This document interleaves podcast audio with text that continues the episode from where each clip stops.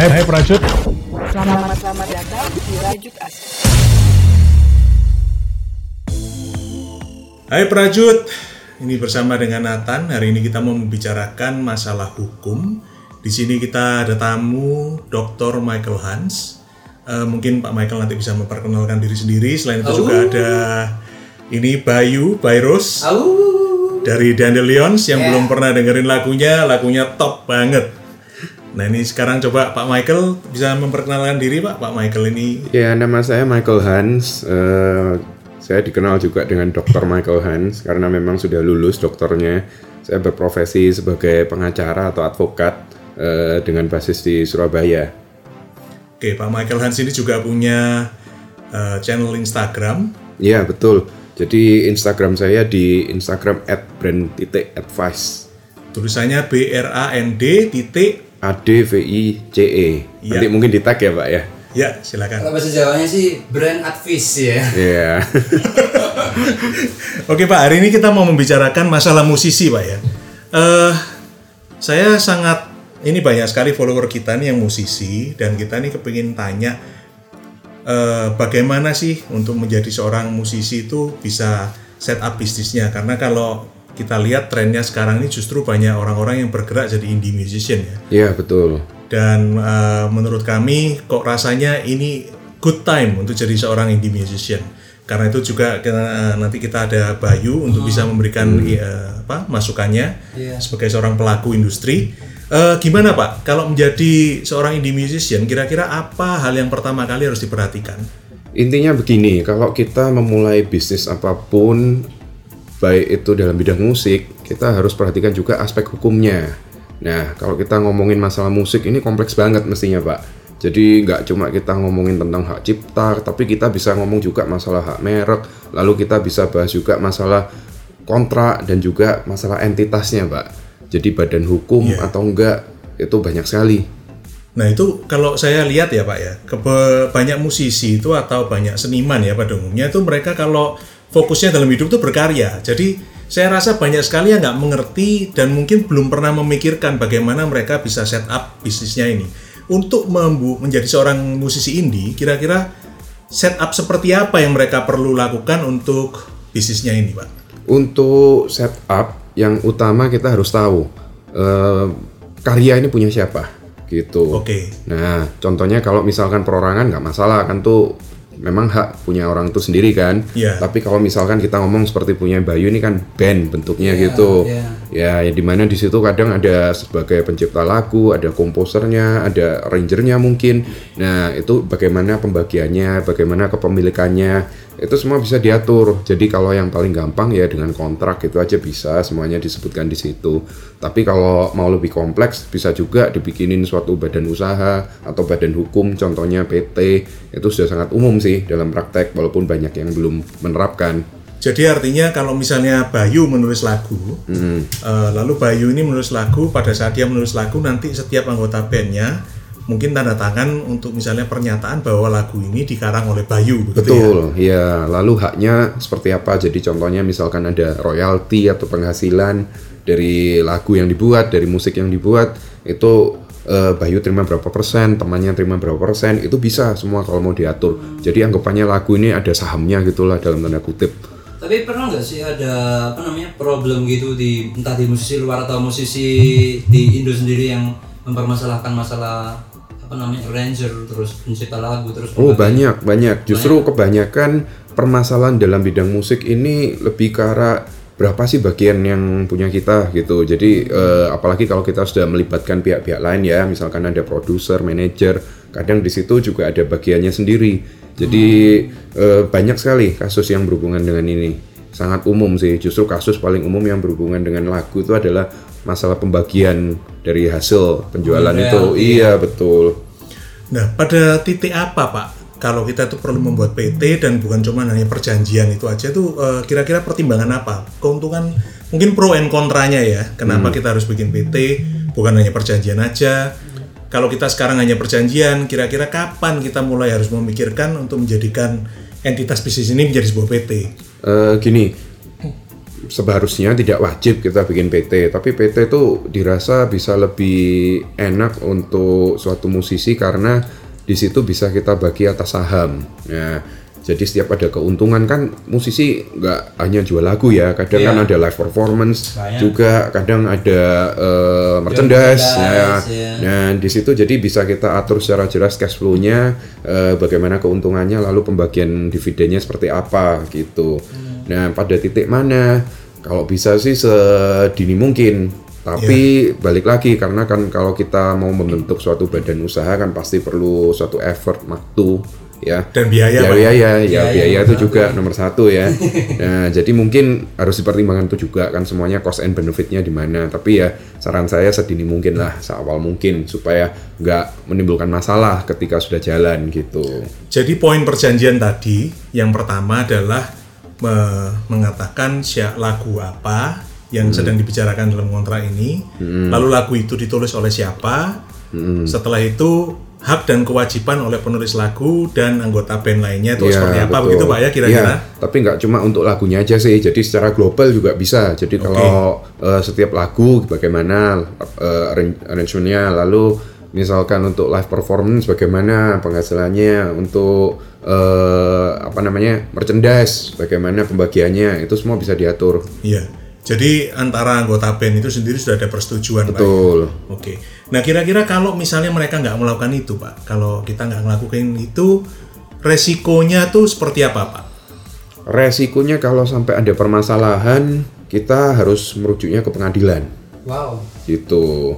Jadi biasanya sudah kita selesaikan di pengadilan bagaimana untuk pembagian segala macam nanti ditentukan oleh hakim. Dan biasanya sih memang bisa selalu dilakukan perdamaian. Tapi kan pasti lebih ribet ya karena kita sudah urusan pengadilan tuh katanya orang eh, kita rebutan ayam bisa habis sapi nanti gitu.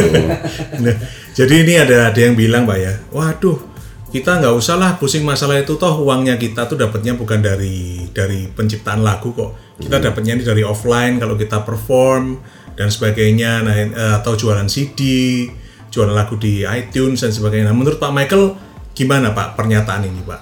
Eh, memang zaman sekarang ya revenue stream untuk musisi itu banyak sekali. Kalau dulu kita ngomong puluhan tahun lalu mungkin orang cuma bisa dapat dari penjualan kopi kan, jadi jualan CD atau dulu mungkin kaset ya. Eh, kalau sekarang banyak sekali, jadi bisa juga dipakai untuk soundtrack lagu, back sound, apalagi sekarang kan zamannya YouTube ya. Iya. Mungkin ada orang ngevlog ngevlog gitu pakai back soundnya dari lagunya musisi ini, itu semua bisa dijadikan untuk sumber penghasilan seharusnya. gitu ya. Iya, asalkan kita tahu eh, mana hak kita gitu. Lalu Ah. apa yang harus kita lakukan supaya kita bisa mendapatkan penghasilan dari situ tadi. Nah gitu. untuk bisa mendapatkan penghasilan kira-kira apa pak yang harus dilakukan pak? yang utama ya, yang paling utama karena suatu lagu atau ciptaan musik ini dilindungi oleh hak cipta, kita harus pastikan bahwa kita punya hak ciptanya dulu. Nah, Oke. bagaimana kita mendapatkan hak cipta? Seharusnya gampang kok, karena hak cipta itu otomatis diberikan pada ciptaan yang sudah diwujudkan dalam wujud nyata dan prinsipnya deklaratif. Jadi nggak perlu kita daftarkan seperti paten atau merek itu di Indonesia harus didaftarkan.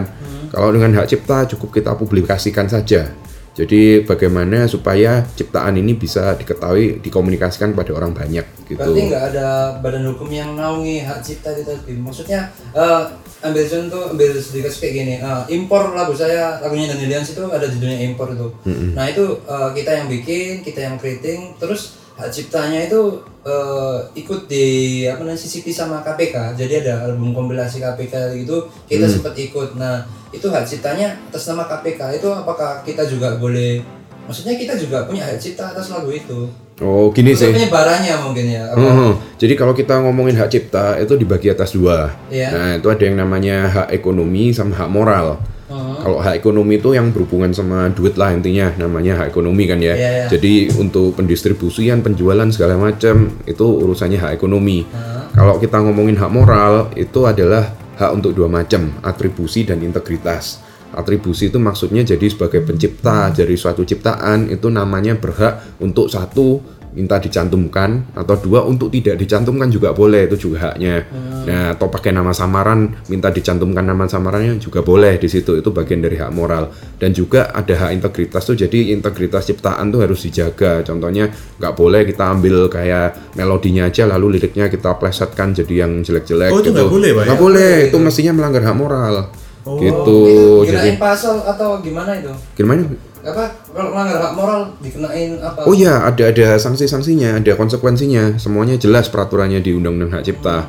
Gitu. Berarti kalau aku bikin lagu kayak Metallica gitu tak plesetin ke Roma Irama gitu langsung kena itu Ustaz? Iya, bisa seharusnya bisa kena kalau gitu. gitu ya? Iya, kalau ada yang mengadukan ya bisa kena gitu. Oke. oke. Jadi hati-hati. Kalau sama aja kayak video ya, maksudnya video lip sync gitu, itu kan ada sih? Eh kalau secara teori bisa dianggap pelanggaran hak moral, tapi balik lagi apakah ditegakkan atau enggak? Apakah Tergantung pihak musisinya. iya pihak yang mempunyai ciptaan itu apakah keberatan atau enggak? Kalau enggak keberatan fine fine aja. Siapa tahu supaya ciptaannya lebih booming, lebih terkenal ya kan kepentingannya beda lagi gitu kan. Nah sekarang ini kan banyak pak eh, masalah ini ya eh, peniruan atau Plagiat. ya plagiat. Ini kalau kita lihat kemarin ada beberapa film yang dipermasalahkan. Nah kalau dalam musik pak ya, misalnya kalau kita menciptakan sebuah lagu, lalu kita mau menyanyikan lagu itu online deklarasi bahwa itu hak cipta punya kita. Lah, lalu ada orang lain yang mendengarkan, orang yang lebih terkenal dari kita mungkin, lalu mereka nyanyi, dipublish, mereka dapat duit. Nah itu cara kita enforce hak kita caranya gimana pak? Kalau di Indonesia bisa dengan dua hal, bisa secara perdata dan pidana gitu. Kalau untuk pelanggaran hak cipta selalu sih, kalau secara pidana ya bisa kita laporkan ke pihak yang berwenang. Kalau perdata bisa kita ajukan gugatan. Gitu aja sih caranya. Jadi salah satu antara lapor polisi atau cari pengacara pak ya? Iya, betul. Nah, Nah, kalau- harus sih pakai pengacara mau eh, mengajukan gugatan perdata di pengadilan sendiri bisa kok. Tapi ya Oke. biasanya dengan pengacara karena yang lebih ngerti kan pengacara gitu, Iya. Pak. Nah, kalau pertanyaan saya begini Pak, kalau ada resiko bahwa seorang itu akan copy karya kita waktu kita publish di online dan untuk kita enforce hak cipta ini ya, maksudnya untuk kita mengawal hak cipta ini supaya nggak ditiru itu juga butuh biaya. Lebih baik karya kita ini kita publish nggak sih Pak? Kalau untuk dipublish wajib, Pak. Karena kalau nggak kita publish, nggak ada buktinya kalau kita yang menciptakan gitu. Oke. Karena itu salah satu syaratnya harus kita lakukan secara deklaratif gitu kan. Jadi Iya. kita harus publish mau nggak mau. Toh publish tuh gampang kan, Pak. Sekarang bisa kita lakukan dengan Instagram gitu aja atau dengan YouTube, dengan Facebook. Gampang. Kalau Banyak dulu media kita ya, iya banyak. sekarang Kalau dulu kita mau publish kan harus kita masuk radio atau masuk Iya. TV. Jadi jalurnya kan susah kan ya. Kalau sekarang lebih gampang dan Selain itu kalau dengan eh, apa namanya eranya internet digital sekarang kan jelas jadi siapa yang duluan gitu kan. Jadi misalkan lagu itu eh, kita bikinnya bareng lalu saya yang perform duluan di sosmed. Nah, itu kan bisa dibuktikan bahwa itu saya yang perform duluan jadi itu ciptaan saya. Kalau ada orang lain yang tahu lagu itu kita nggak perform tapi dia yang perform duluan, nah takutnya kan nanti dikira orang dia yang asli. Jadi gitu. dengan kata lain, selalu lebih menguntungkan kalau kita tuh publish ourselves ya Pak ya. Jangan takut ditiru, publish aja kan. Iya, publish aja Iya, dulu. Karena kalau kita masalah. nggak pernah publish, ada yang niru, kita nggak punya bukti tambahan. Betul. Ya Pak, menurut saya juga kalau secara marketing ya Pak, berarti kan kita kalau nggak publish ya nggak ada orang yang pernah tahu kita ini siapa kan. Betul. Itu banyak sekali sih Pak eh, masalah dari musisi-musisi indie ya yang takut publish karena takut ditiru. Kalau Takut. dari Bayu sendiri gimana, Baik? Eh, masalah takut tadi ya, takut untuk publish ya. Iya. Iya sih, sempat kita was-was. Cuma mau gimana lagi, em, materi juga masih belum matang waktu itu, jadi kita takut takut sih lebih ke takut. Problem musisi indie kebanyakan kayak gitu, jadi banyak yang takut ditembak. Jadi kayak merasa nggak ada perlindungan hukum Iya. atau nggak ada kekuatan di sana ya? Ya, Iya, justru itu yang salah. Jadi eh, justru kalau nggak kita publish, eh, kita nggak dapat perlindungan gitu. Jadi untuk dilindungi kita harus publish. Untuk dilindungi harus publish pak. ya? Iya. Jadi main perubahan mindset ini sangat, harus Betul, sangat betul. apa, harus dijaga betul ya pak ya. Iya betul. Sekali lagi ya kalau berarti untuk mau dilindungi kamu harus sudah mempublish dan publishing sekarang sudah sangat mudah ya harusnya. sangat sangat sangat mudah banget. Untuk Dandelion sendiri self publishingnya dengan cara apa ini? Eh, lebih ke media online sih, lebih ke media online terus sama offline itu tadi lihat event itu tadi. Oh gitu ya. Iya banyak yang dengar karya kita lihat event itu tadi. Cuma setiap tetap sih kalau tiap event kita ngobrol itu main gitu kita selalu tunjukin sosmed sosmed kita jadi biar apa namanya anak bunga sebutannya buat Anak suka bunga. milenial sih ya. Saya anak bunga. asik jadi kita be- beritahu Instagramnya kita YouTube-nya kita karena di situ mulai tahun ini sih kita lebih banyak uploading apa namanya video-video Oh. dan karya-karya kita di Wah, sosmed mantap, kita mantap. Nah ini eh, apa namanya? Kalau kita ngomongkan masalah publishing dan sebagainya untuk ngomongin hak cipta gitu, itu saya ingat eh, ada cerita tentang hak cipta, pak ya. Kadang-kadang hak cipta ini justru yang membuat seorang musisi itu bisa menghasilkan uang tanpa dia harus dalam tanda kutip bekerja, pak ya. Itu kira-kira ada study case yang menarik nggak pak untuk ceritakan itu, pak? Eh, banyak sih pak. Contohnya kayak kalau kita ngomong musisi luar yang udah terkenal ya, Iya. kayak Michael Jackson, The Beatles, mereka kelihatannya kan sudah nggak ada lagu-lagu baru kan ya. Iya, iya. Nah, apalagi Michael Jackson ya udah meninggal. Kalau ada lagu baru kita takut nanti ya. nah, kalau mereka itu juga eh, dari hak cipta mereka atau ciptaan mereka yang lama itu mereka tetap menghasilkan duit pak gitu. Jadi eh, royalti masuk terus. Jadi setiap lagunya di perform sama orang lain di cover dijadiin soundtrack itu selalu royaltinya masuk. Royaltinya masuk. Kalau ada yang garap lagunya Dandelions gitu seharusnya masuk gitu ya. Iya, soal karena eh, Dandelion kalau memang sebagai pencipta, nah itu punya hak eksklusif untuk hak ekonomi dan moralnya itu Oh, tadi. tadi, dua Nah, tadi termasuk kalau tadi ya. untuk hak ekonomi itu kalau ada orang lain yang cover, orang lain perform itu secara teori seharusnya ada minimum harus memberikan izin dulu dari dulu pihak ya. Dandelion. Iya. Nah jadi sekarang kalau misalnya Daniel Leon sini dia musiknya enak, saya kepingin pakai di perusahaan saya jadi company profile begitu ya. Caranya supaya saya meng, apa supaya si Bayu ini pada waktu dia publish di YouTube apa a- perlu ditulisin apa pak di di caption atau apa untuk supaya orang kalau mau kerjasama dengan dia bisa tahu tuh supaya nggak dicuri gitu pak. Kira-kira ada apa yang harus ditulis di sana? Jadi kalau dari pihaknya yang mau pakai lagunya itu ya Iya. em, harus ada kontrak dulu. Jadi bagaimana persetujuannya untuk memakai lagu ini atau ciptaan ini tadi, Oke. gitu. Lalu selain itu kalau memang dari pihaknya pemilik ciptaan minta ya harus di, selalu dicantumkan kreditnya itu pak. Oke, jadi, jadi siapa lebih baik- penciptanya, nah Ya, itu harus masuk. sana ya. Ber- Setiap kali caption ada penciptanya siapa, Manajernya siapa? Iya, lalu Iya. sudah gitu harus. Jadi kredit harus jelas ya. Iya. Perjanjiannya lebih jelas juga ini dipakai untuk diboleh dibawain sama Dandelions lagi atau Iya, memang betul. untuk diciptain buat perusahaan gitu ya. Iya betul. Jadi arrangementnya seperti apa semua harus jelas di awal gitu. Oke, I see. Oke. Nah, kalau anu Pak ya. Jadi kalau ngomongkan masalah hak cipta, tadi Pak Michael ngomongkan masalah Michael Jackson dan sebagainya. Itu berarti Michael Jackson dia punya misalnya lagu Billie Jean atau Smooth Criminal. Jadi setiap kali lagu itu dinyanyikan oleh orang lain atau dijadikan apa eh, soundtrack film atau apa itu Michael Jackson selalu dapat begitu Pak ya. Iya, selalu dapat. Jadi karena itu semua kalau dipakai secara resmi ya pak ya, Iya. itu ada mekanismenya sehingga eh, royalti itu akan didapatkan oleh pemegang hak cipta ini tadi. Nah ini saya yang paling suka tuh pak salah satu tuh saya yang paling suka lagu itu lagu I Will Always Love You lagunya Whitney Houston. Whitney Houston. Iya. Nah kalau itu kan lagu I Will Always Love You ini dinyanyikan di film Bodyguard, Bodyguard, ya kan? Nah yang sudah cukup umurnya untuk tahu Bodyguard berarti seumuran sama saya kira-kira. Alhamdulillah enggak, Bro. Nah berarti kan kalau misalnya seperti itu pak, itu cara pembagiannya seperti apa pak ya? Nah, kalau kita ngomong pembagian ya secara detailnya ya kita harus tetap lihat eh, kontraknya atau arrangementnya ya. Iya. Tapi kalau secara umum yang biasanya dapat dari royalti itu yang utama adalah pencipta. Pencipta lagu. Nah, orang yang banyak nggak tahu lagu I Will Always Love You itu penciptanya adalah Dolly Parton. Oh Dolly Parton. Iya, gitu. Jadi dia bukan cuma pencipta, jadi dia juga perform yang awal. Jadi ada yang versinya Dolly Parton, lalu yang bikin lebih populer adalah Whitney Houston, gitu. Jadi Whitney itu lebih mempopulerkan lagu I Will Always Love You. Iya, betul.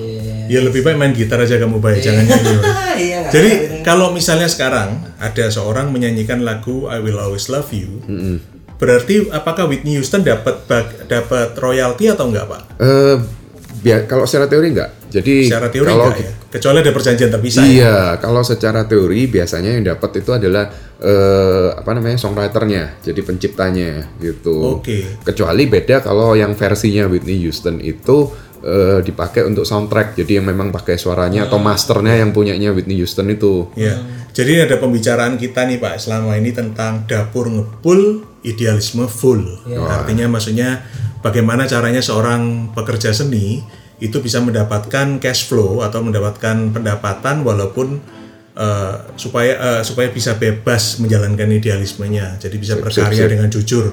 Nah, berarti kalau kita memiliki hak cipta dari sebuah lagu itu sangat membantu Pak ya untuk menghasilkan passive income karena setiap Betul. kali barang yang kita ciptakan itu dipakai orang lain kita selalu ada royalti. Iya, Dan betul. untuk melakukan itu berarti seorang musisi satu harus mewujudkan karyanya dalam bentuk yang nyata, entah itu dalam bentuk performance atau dalam bentuk lagu apa eh, video klip atau Iya. tulisan juga boleh Pak Intinya ya. wujudkan dulu, jangan cuma abstrak, jangan cuma dipikir wah lagu ini enak kalau kita eh, bikin harus kita bikin gitu. Yes. Dan kalau sudah dibikin harus publish gitu, jangan cuma disimpan aja. Ya, jadi yang kedua setelah dia dibentuk dengan nyata, dia harus dipublish eh, ke kalayak umum ya. Berarti Ya, kalau kita taruh sosial media, betul. Spotify dan sebagainya itu bisa Bisa. menunjukkan bahwa karya ini sudah dipublish dan waktu itu kita punya hak untuk eh, mengakui atau Iya. mengklaim bahwa barang itu adalah milik kita, musik Iya, itu betul. adalah kita milik kita. Jadi jangan anggap remeh eh, penciptaan lagu dan bagaimana kita men-set up eh, apa? Men-set up hak cipta ini ya. Jadi untuk para penulis lagu yang ada di sini, musisi mungkin harus memperhatikan hal begini dan mulai juga memperhatikan masalah legal, perjanjian dengan teman-teman. Jangan semuanya dilakukan hanya berdasarkan rasa percaya. Percaya itu perlu ya, tapi kalau kita menggantungkan semua di atas rasa percaya, kita ini rasanya terlalu naif ya. Karena Betul. Benar itu. ya natur manusia itu juga ada keserakahan jadi kita lebih baik dan kadang-kadang bukan karena serakah ya kadang-kadang hanya karena salah paham. Jadi lebih baik kita format semuanya dengan baik perjanjian dengan semua tim mengatakan siapa eh, pemilik sebuah lagu penciptanya siapa arrangernya siapa kreditnya dijelaskan sudah itu hak dan kewajiban setiap anggota dan untuk setiap mata eh, mata pembahasan dalam kontrak itu ada yang misalnya konser itu seperti apa, kalau rekaman kayak apa. Jadi kita bikin semuanya dengan jelas di awal. Betul ya Pak Michael ya? Betul, betul. Intinya kalau dari saya ya, saya selalu prinsip saya tuh preventif dulu daripada reaktif gitu. Iya. Jadi kalau bisa kita antisipasi dulu hal-hal yang worst case, lalu kita prevent daripada kita harus eh, melakukan tindakan setelah terjadi masalah gitu, Pak. Nah sekarang mungkin saya mau eh, tanya sedikit tentang Bayu. Nah Bayu ini dari band namanya Dandelions Official. Eh, Dandelions, wah, ya Dandelions. Tapi kalau Instagramnya Instagramnya ya. Dandelions Official. Nah Bayu dan teman-temannya sedang mempersiapkan sebuah eh, dua buah album ya, Iya. kanan dan kiri. Dan eh, mereka sekarang lagi mempersiapkan dua album ini untuk di launch kira-kira kapan, Bayu? Eh, di launchnya tahun ini pastinya. Tahun ini ya? Iya, cuma bulannya ya surprise dit gitu. Nah sementara ini kira-kira eh, bisa ada bocoran sedikit nggak album ini tentang apa dan sebagainya? Lebih tentang ke kehidupan sih, semua aspek kehidupan dari yang drop mau bunuh diri, terus ada yang tentang alam, tentang pantai, kesen- kesendirian, terus ada tentang rasa bersyukur. Oh, iya. Ada banyak sih kalau ngomongin tentang materi-materi di dalam albumnya. Ya, dan dalam hal ini eh Beda dan Delions berkolaborasi dengan Rajut Asa. Mungkin Bayu bisa ceritakan sedikit nah, masalah kolaborasi ini. Masalah kolaborasi ini lebih ke satu apa ya satu satu jiwa wah sih kayak bonek jadi lebih ke satu arah sih sama-sama kita sama-sama punya semangat berjuang bareng terus sama-sama pingin kolaps karena kita satu tujuan juga lebih ke arah yang apa namanya sama sih sama-sama perjuangannya gitu. Makanya kita akhirnya mulai saling membentuk komunikasi yang lebih intens. Asik. Oke, jadi eh, untuk musisi-musisi yang ada di sini self publish dan selalu buka mata lebar-lebar untuk kesempatan kolaborasi, kesempatan untuk meningkatkan bisnis dan setup bisnisnya dengan baik. Oke, sampai di sini saya terima kasih untuk Pak Michael Terima kasih, Pak. dan Iya. untuk Bayrus atau Iya, Bayu. iya. Jangan lupa Spotify-nya apa? Eh, eh, The Dance Official. Jadi ada bunga matahari gitu, ada anak bayinya gitu. Lucu pokoknya kayak aku. Hahaha. Dandelions D A N D E L I O N S official. O F F I C I A L. Iya. Itu juga untuk Instagramnya ya. Iya untuk Instagram. Dan untuk Pak Michael adalah brand advice, brand B R A N D titik advice A D V I C E. Bersama saya Nathan Santoso dari Rajo Tasa, sampai ketemu lagi. See you. Bye. Bersama-sama Nathan